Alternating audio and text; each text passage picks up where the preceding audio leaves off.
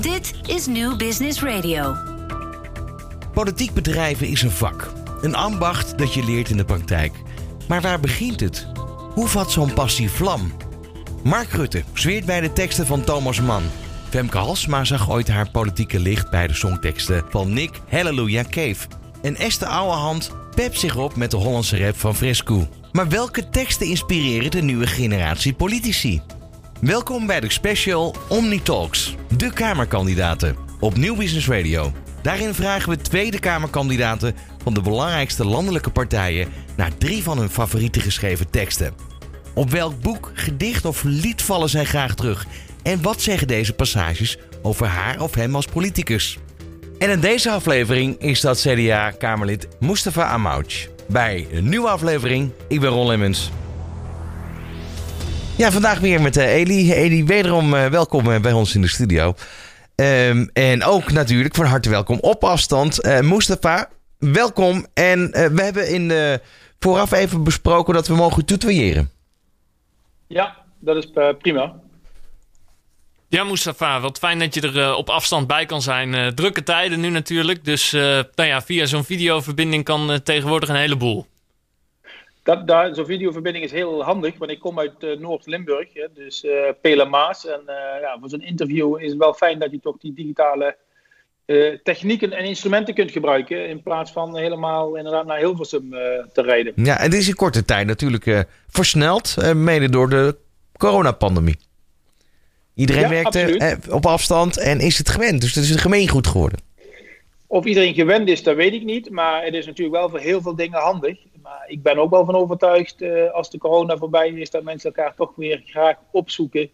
Uh, in de sociale contacten, maar ook over creatieve ideeën. En, en, en ja, sommige gesprekken wil je toch elkaar ook in de ogen aankijken. Zeker. En uh, nou, ondanks de afstand die we vandaag hebben, gaan we proberen om elkaar uh, persoonlijk aan te kijken en een mooi persoonlijk gesprek van te maken. Mustafa, dat doen we aan de hand van een aantal fragmenten die je met ons hebt gedeeld. En we willen eigenlijk meteen beginnen met het eerste fragment. Dat is een uh, nummer van Alan Clark en uh, zijn vader, Father, Father and Friend. Um, wil je daar inleidend nog kort iets over zeggen? Of heb je zoiets van, we gaan lekker luisteren en uh, dan deel ik dan mijn mening erover? Ja, eerst luisteren en dan even de mening erover. Gaan we doen.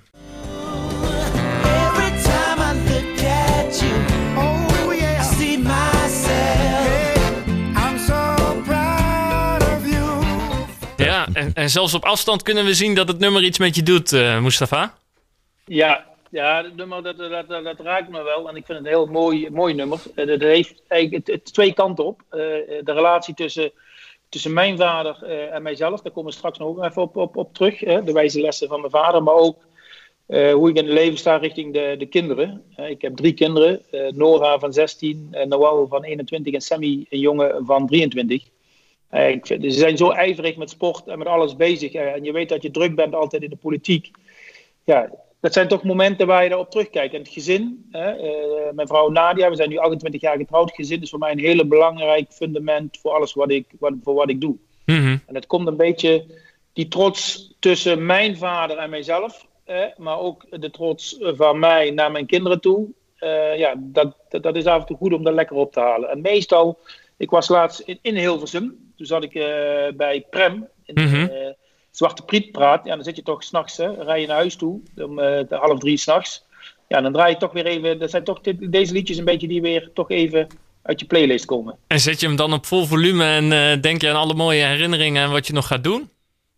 Ja, ik ben sowieso, als ik muziek luister, vind ik wel, uh, hoe heet dat? Dan vind ik hem wat, wat, wat harder aanzetten. Daar klagen ze thuis over. Zeggen ze, papa, ben je een beetje, ja. beetje doof? Doe, hè? Praat ook eens wat rustig. Ik ben af en toe wel wat temperamentvol. Uh, maar daar zet ik hem wel lekker hard aan, ja. Ja, en als je alleen op de weg bent, dan, uh, dan draagt dat natuurlijk ook bij aan de romantische, uh, nou ja, de, rom de, romantiek van dat moment. Ja, absoluut. Kijk, als ik ook kijk, terugkijk naar mijn vader, die is in 2014 overleden. Maar die zag mij in de politiek actief, lokaal, hè, ook in de gemeenteraad, dat je allemaal. En toen die overleed, toen moesten we met de familie alles opruimen. Dan had hij zijn Colbert-jasjes altijd in de kast hangen. En er kwamen allerlei krantenknipsels tegen. Dus overal blijkbaar waar ik in de een of ander krantje stond, had hij mij uitgeknipt. Dus uh, al, al die zaken kwamen boven water waar we eigenlijk helemaal niks van af wisten. Wat vertederend. Dus, uh, ja. Ja, dus dat zijn wel leuke momenten die je op terug kunt. En, en, en iedereen heeft denk ik wel een lied of hè, wat, wat iets betekent in zijn leven. Dus toen er gevraagd wordt van oké, wat, wat, pak eens een fragment, dan is dit wel iets wat dicht bij me staat. Want als ik even snel reken, uh, je zit nu uh, vijf jaar in de Kamer. Uh, dan uh, heeft je vader dat helaas niet mee mogen maken. Heb je toch het gevoel dat hij meekijkt wat dat betreft? Dat denk ik wel. Dat, af en toe, mijn moeder is dan alleen. Af en toe ga je bij mijn moeder langs om een kop koffie te drinken. Want de familie woont ook bij mijn moeder in de buurt. Dus af en toe binnenwandelen. En dan heb je het er wel eens even over. Uh, en mijn moeder zit dan op dinsdag vaak uh, voor de televisie te kijken. Zegt ze, ja, ik heb jou niet gezien. Ja, ik zeg, mam, uh, we zitten niet elke dag allemaal in de plenaire zalen.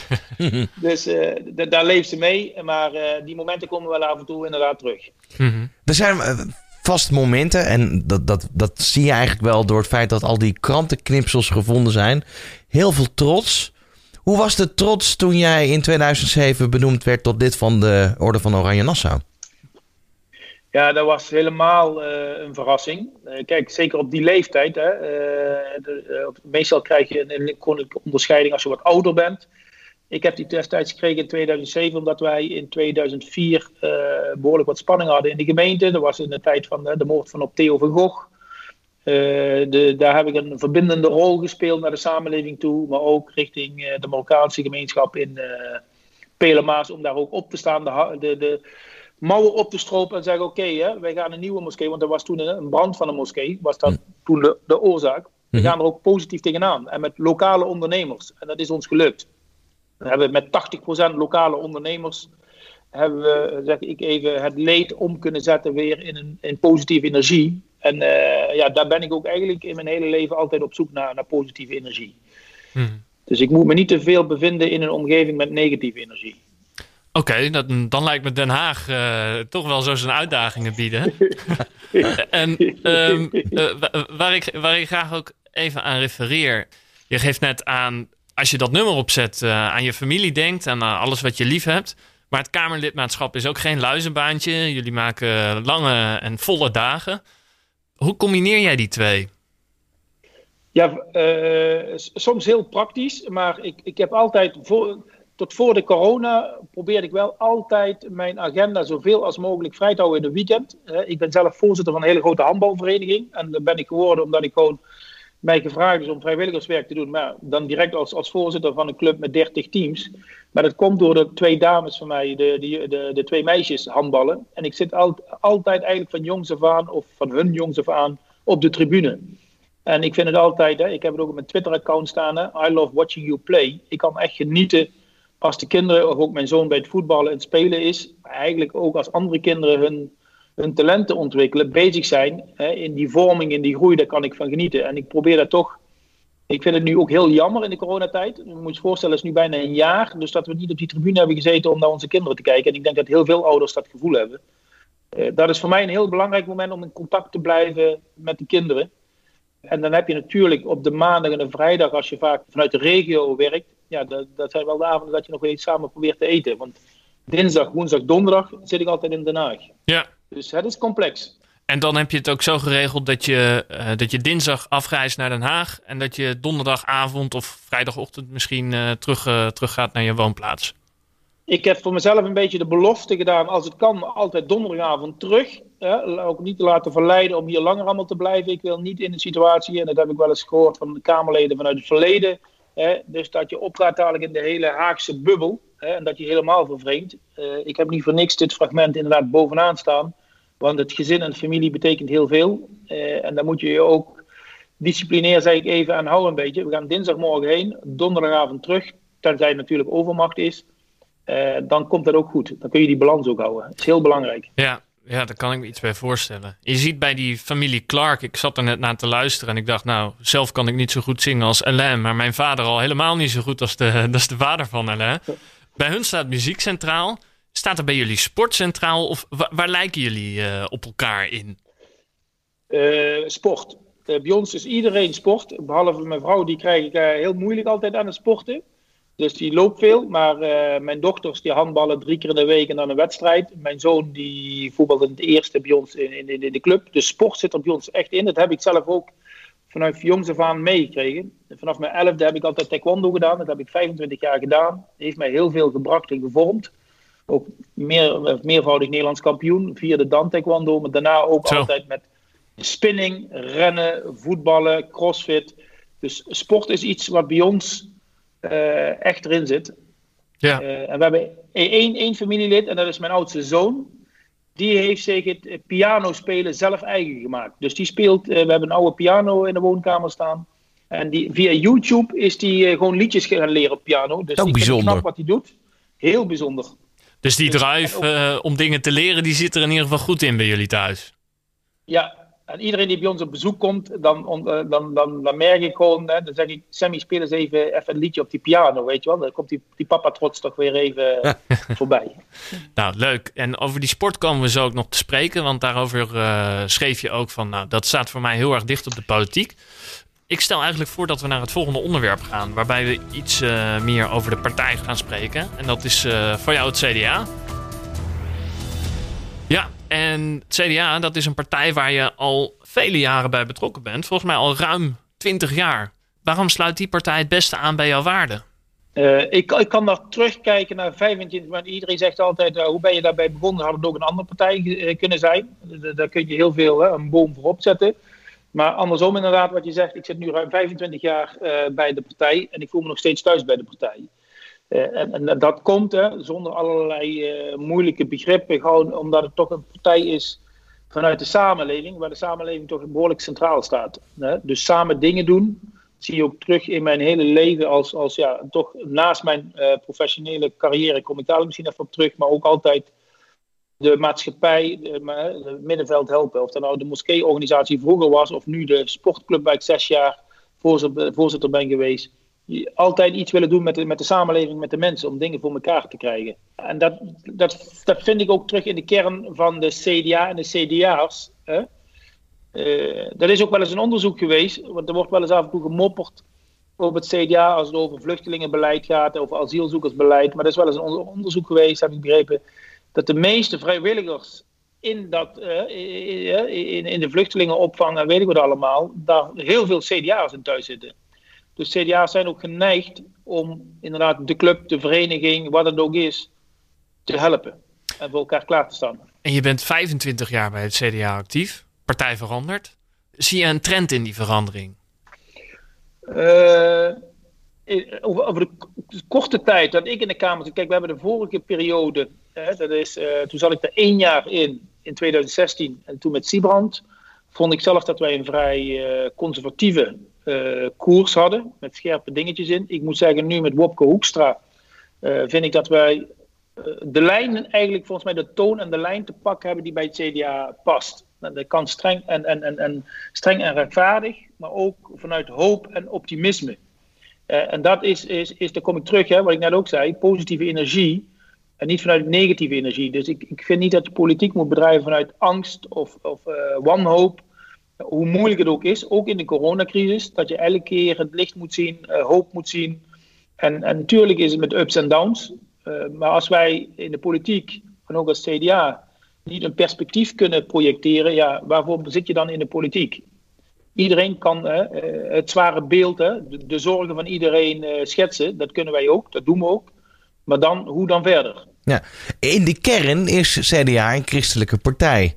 Eh, jij hebt een islamitische achtergrond. In hoeverre heeft dat nog eh, iets te maken met de keuze voor het CDA? Was dat een drempel? Was dat moeilijk? Hoe staat het CDA daar nu in eigenlijk?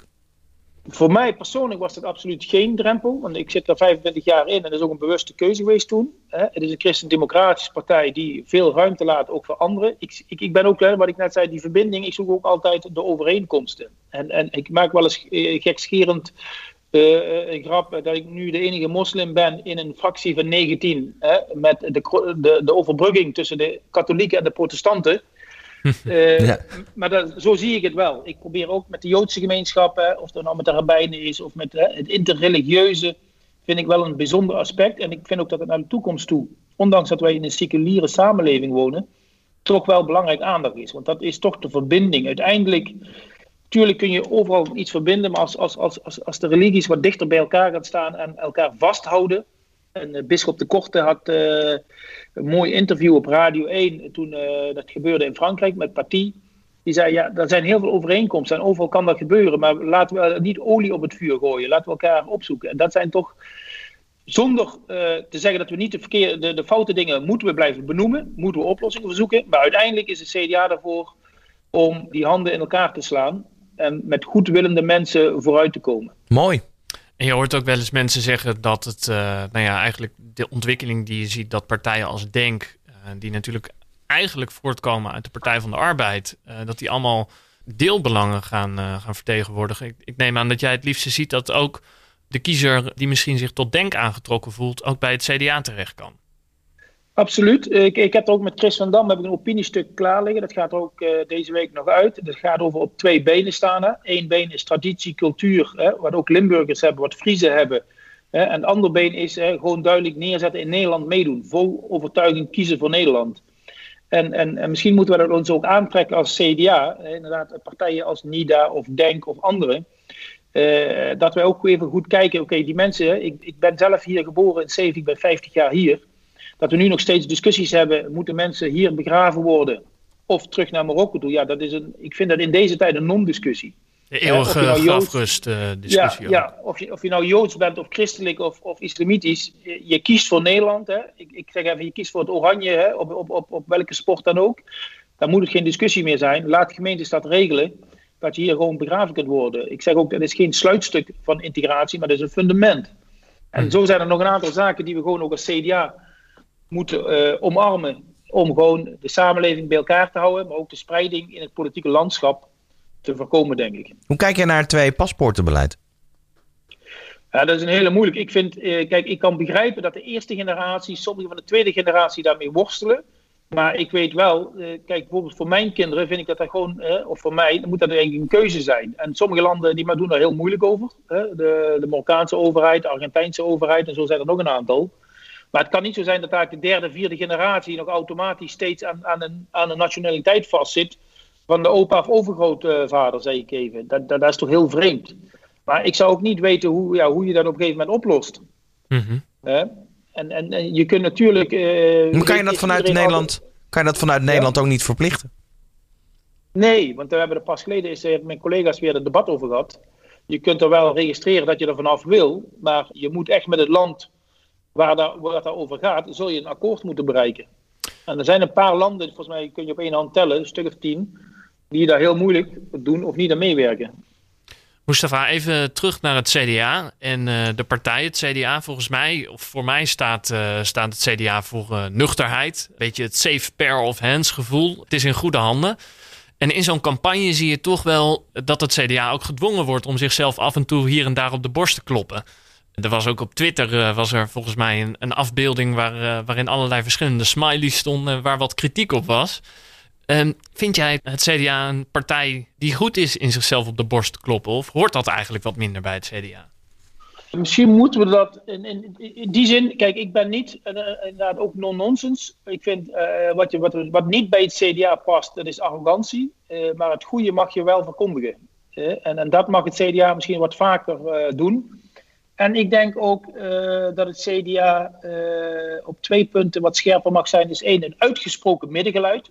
Hè? Dus wil niet zeggen dat je vaak vanuit een, midden, een middenpartij bent, dat je een, een, een, een, hoe noem je dat, een vlak uh, geluid hebt. Je kunt gewoon vanuit een bepaald midden, een uitgesproken midden hebben. En tweede is, en daar zit ik zelf in, ik kom uit het bedrijfsleven. Ik heb twintig jaar bij ASML gewerkt. Ik doe veel met sport. Jongeren, het mag ook af en toe wat, wat, wat luchtiger, hè? Wat, wat eigen tijdser. Ja. Een beetje schwung erin. Mm hup, zet die muziek lekker aan. Hup, niet moeilijk doen, kom. Ja, nou, leuk. Dat, dat, dat komt weer terug in het spinnen ook, uh, begrijp ik. Ja, dat komt, juist, ja, je hebt er mij heel goed door. En uh, dat is iets ook wat ik probeer via de binnenlijnen af en toe ook richting congres. Ik zeg, kom op jongens, eh, kom even, even los. Kom op CDA. en dat, dat lukt dan wel. Um, maar voor de rest is het CDA wel een non-nonsense partij. Dus, uh, uh, maar met deze kanttekeningen kunnen wij volgens mij nog meer eigen tijd zijn. En zeker voor de mensen die luisteren, Het is zeker geen stoffige partij. Nee, en het, ik, vind, ik vind het wel. ik zie je glimlachen bij stoffige partij. Dus dat is volgens mij een bevestiging dat dat zeker geen stoffige partij is. Het lijkt me wel lastig om nu, zeker voor, voor minister Hoekstra, maar ook jullie partijleider natuurlijk, die heeft twee petten op in die zin, om zich te onderscheiden van de VVD. En ik zie dat hij daar ook wel eh, moeite mee heeft. Omdat Mark Rutte natuurlijk de grote knuffel doet van we doen dit samen. En uh, het voordeel heeft, heeft van het premier zijn. Hoe zie jij dat? Ja, ja nee, dat klopt. Kijk, Wopke die zit natuurlijk in de acteur. Rutte die loopt al heel lang mee in, in, in, de, in de politieke arena, in, in alles. Wopke Hoekstra die is in een korte tijd, hè, moet die vlieguren maken en, en, en omhoog komen. Maar er zit wel een wezenlijk verschil in. Hè, waar Hoekstra toch ook hè, past, wat ik net zei, bij het eigen tijdse CDA, maar wel een visie naar de toekomst toe. Dat hij zegt inderdaad ook van, hè, we zitten in een economische crisis, daar moeten we echt met concrete stappen eruit. Waar Rutte dan wel zegt, ja, we gaan eens kijken. Hè, een beetje de veteraan op het veld. Hè, die dan uh, bij wijze van spreken in voetbaltermen één helft kan spelen en dan gewisseld moet worden. Uh, terwijl we nu volgens mij voor Nederland nu weer een, een, decennium vooruit moeten kijken. Wie is de nieuwe leider uh, die veel mensen kan binden op links, rechts en in het midden. en, en ook oog heeft toch het verschil. Ik vind het heel knap wat Popke geplaatst heeft, los van de economie, de harde kant. Dat hij ook zegt in het verkiezingsprogramma eerlijke kansen voor jongeren, ongeacht waar ze vandaan komen, of de diversiteit dat hij daar extra aandacht voor heeft, want dat hebben we nodig. We hebben alle talent nodig. Maar nog mooier is het positioneren dat hij zegt: Ik wil ook echt werk maken van de drie grote ziektes: obesitas, Alzheimer en kanker. Dat is ook weer iets ja, des CDA's. Je brood op de plank is belangrijk, maar de samenleving is ook belangrijk. En ik heb er alle vertrouwen in, ondanks dat mensen zeggen: Oké, ja, hij komt nog niet goed uit de verf, daar ben ik het niet mee eens. Uh, hij vertelt zijn eigen verhaal je moet ook naar de toekomst toe kijken, niet alleen maar de korte periode waar die nu in zit. Mag ik hieruit opmaken dat jij op 17 maart ook op Wopke gaat stemmen? Ja, dan moet ik altijd aan mijn vrouw vragen op wie ik moet stemmen. op, Wopke of op mijzelf, op nummer 15. Dus, uh, ja, dat is, dat is altijd een beetje een discussie. Doe je dat of doe je dat niet? Ja, dus, maar daar, daar, gaat de baas thuis over. Ik doe wel hier een beetje, nadat ik de baas ben, in mijn eigen kantoortje. Maar dat houdt, houdt elkaar mooi in balans wat dat betreft. Ja, kom je twee voetjes lekker terug op de, op de vloer thuis. Hè? Super. Dan wil ik graag schakelen naar een, uh, naar een fragment waarin we toch ook even terugkomen naar, uh, naar het belang uh, dat jouw vader en de lessen van je vader in jouw leven spelen. Daar heb je een, een gastcolumn over geschreven en daar ga ik een stukje uit voordragen. En dan hoor ik erg graag wat jij ervan vindt of wat, wij, wat je eraan toe wil lichten. Prima. Ten slotte is mij het meest bijgebleven om zelfreflectie te hebben. Een spiegel voor jezelf en één voor jouw gemeenschap. Mijn vader zei: stel je niet te hard op zodat ze je breken, maar stel je ook niet te zacht op zodat ze je uitwringen. Dat brengt mij terug bij de balans. Op sommige punten kun je scherp en kritisch zijn, maar op andere punten moet je ook schappelijk kunnen zijn. Mooie uitspraak, die uh, breken of uitwringen. Ja, dat is een hele, hele dat is de, de les die ik elke keer in mijn achterhoofd heb. En af en toe reageer je in je dagelijks handelen uh, misschien te fel. Of stel je te hard op. En, dat is de eerste reflex.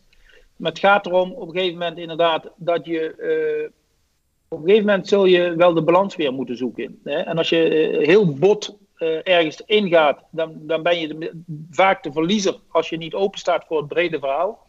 Maar het geldt ook de andere kant op. Stel je niet te zacht op dat ze je uitwringen. Dus aan de andere kant is het ook zo, ben waakzaam en laat niet over je heen lopen. Dus dat is ook wel een ander signaal. Dus dat je tussen die twee lijnen moet, moet acteren. En als je dat in je hoofd hebt als wijze les, en die komt elke keer boven, dat is heel helpvol. Hè? Meer dan uh, twintig boeken, zeg ik even. Ja, nou, mooie les. En uh, ik denk dat dat ook een mooie stap is naar het derde en laatste blokje. Ja, en daarin gaan we praten over de politicus. Wat als je straks weer in de Tweede Kamer mag plaatsnemen? Ja, eh, de Tweede Kamer.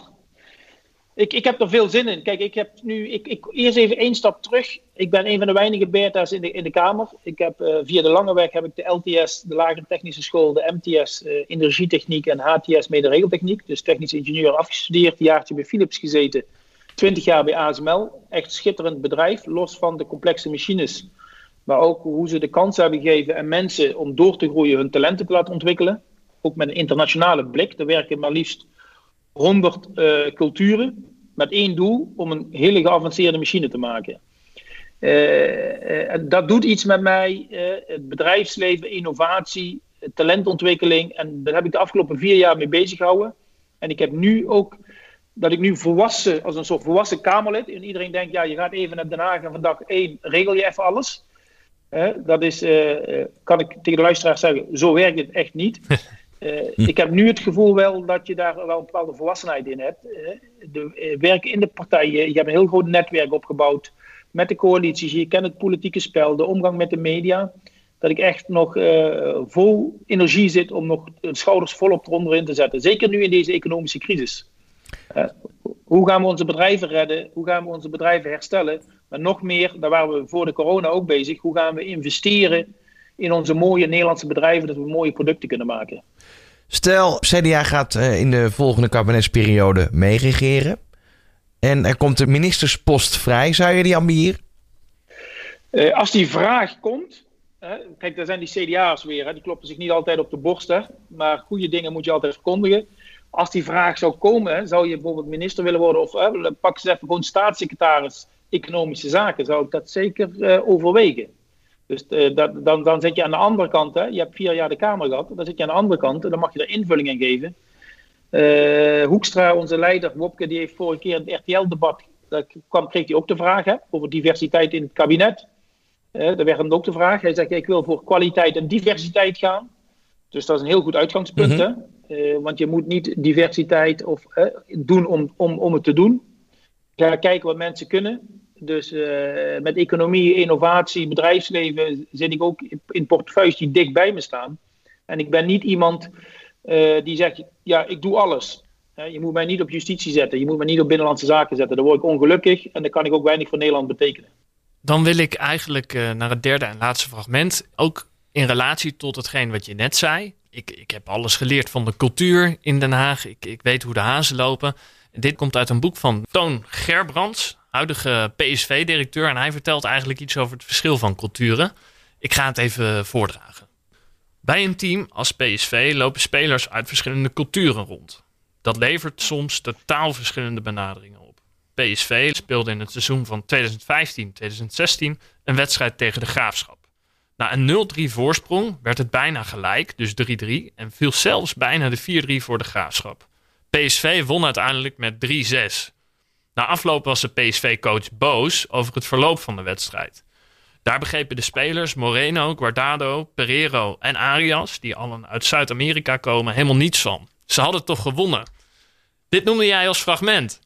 Kun je toelichten ja. waarom? Ja, dat is, kijk, ik, ik heb echt heel veel, eh, omdat ik zelf uit die sport kom. En ik heb ook met Toon Gerbrands uh, daar ook over gesproken. In een lekker mooie lunch over deze aspecten. En, en, en je ziet ook nog meer van die mooie boeken. De oude hockeycoach, die, heeft, die heeft er ook zo'n boek over geschreven. Mark Lammers? Over, over, ja, Mark Lammers. van Goal to Flow of zoiets, hè, dat blauwe boek. Dat heb ik in de kast staan. Het gaat erom, kun je je team laten accelereren? Hè? En, en, en je, je moet je doel halen, want dat is hier ook, hè in, nu in de, in de Kamer, uh, nu in de, in de, politiek, moeten wij onze zetels halen, onze stemmen halen voor 17 maart.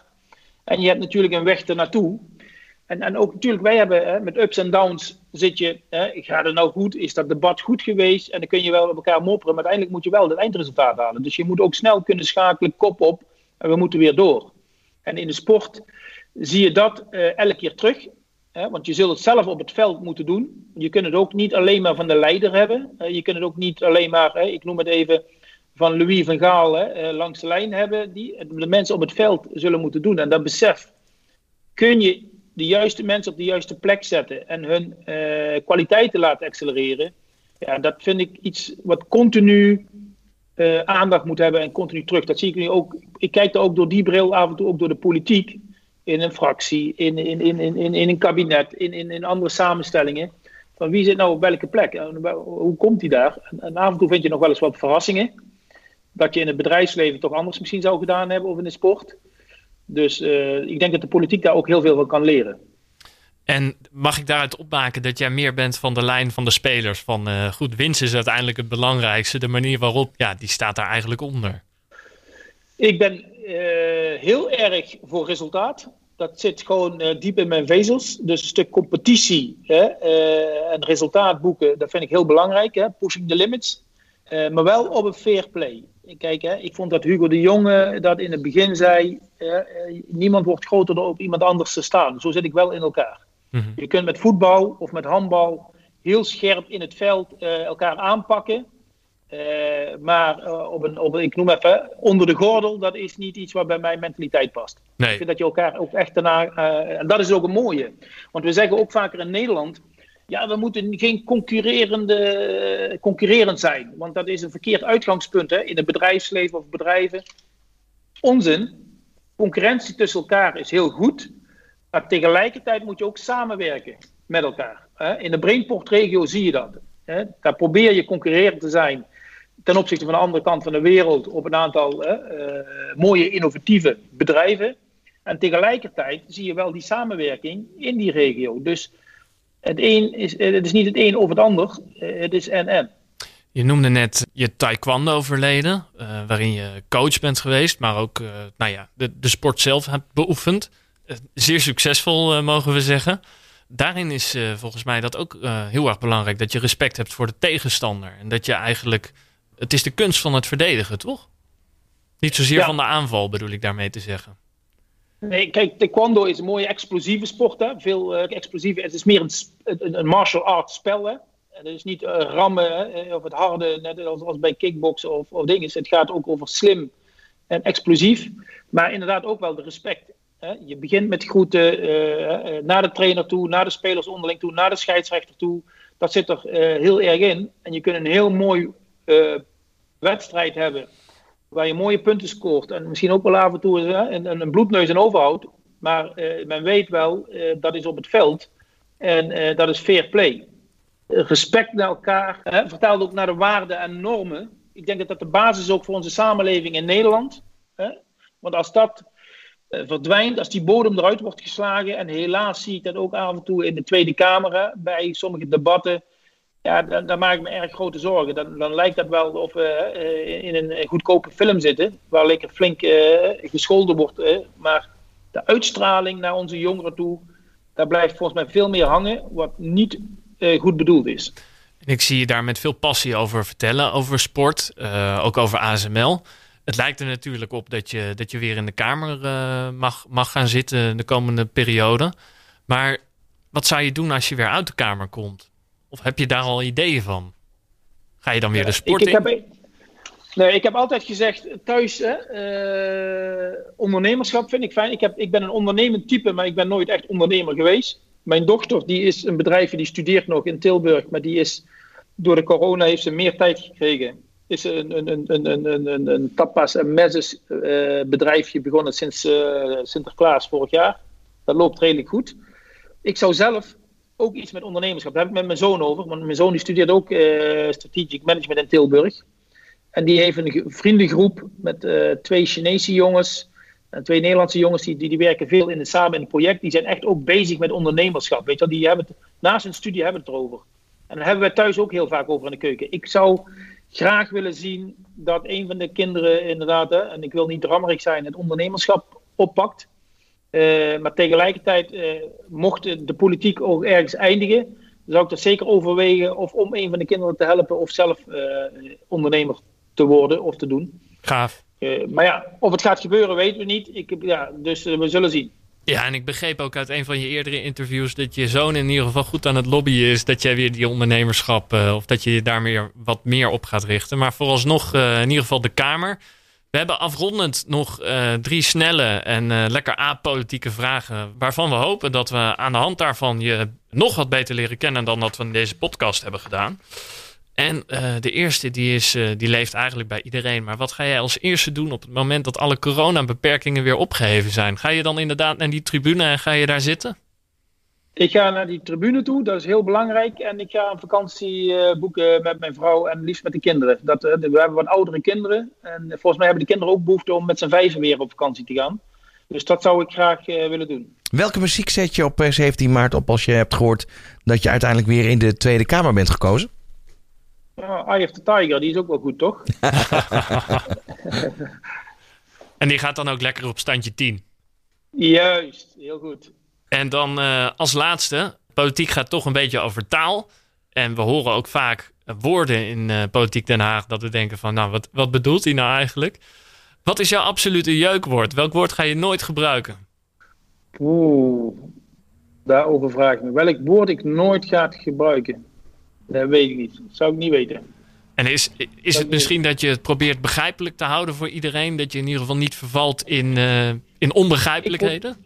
Ja, want dat probeer ik wel. Kijk, ik, ik, ik, ik, ik, kom eigenlijk, wat ik net ook zeg, LTS, MTS, HTS. En ik, ik vind inderdaad de gewone man of vrouw, die jongens die werken en de meisjes die werken in de fabriek, die moeten ook begrijpen wat wij zeggen. Daarom is mijn motto ook heel simpel en plat in deze campagne: hashtag brood op de plank.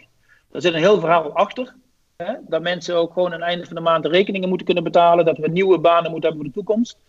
Maar dat is wel een kunst, inderdaad, uh, om continu de normale woorden te gebruiken. Dat de, de buren en uh, de familiekring dat ook begrijpen. Geen dus, Haags gewauw. Uh, direct naar de kiezer toe. Ja. Dankjewel, Mustafa. Volgens mij hebben Ron en ik je in deze tijd nou, al een heel stuk persoonlijker leren kennen. Zeker, ja. We wensen jou heel erg veel succes. luisteraars ook. Ja, ja nou, ik, ik ga ervan uit dat de luisteraars ook een stuk meer van je, van je afweten nu. We wensen je heel erg veel succes op 17 maart en uh, kijken er naar uit. Dankjewel, Mustafa. Dankjewel, we gaan er met positieve energie tegenaan. Gaan we doen.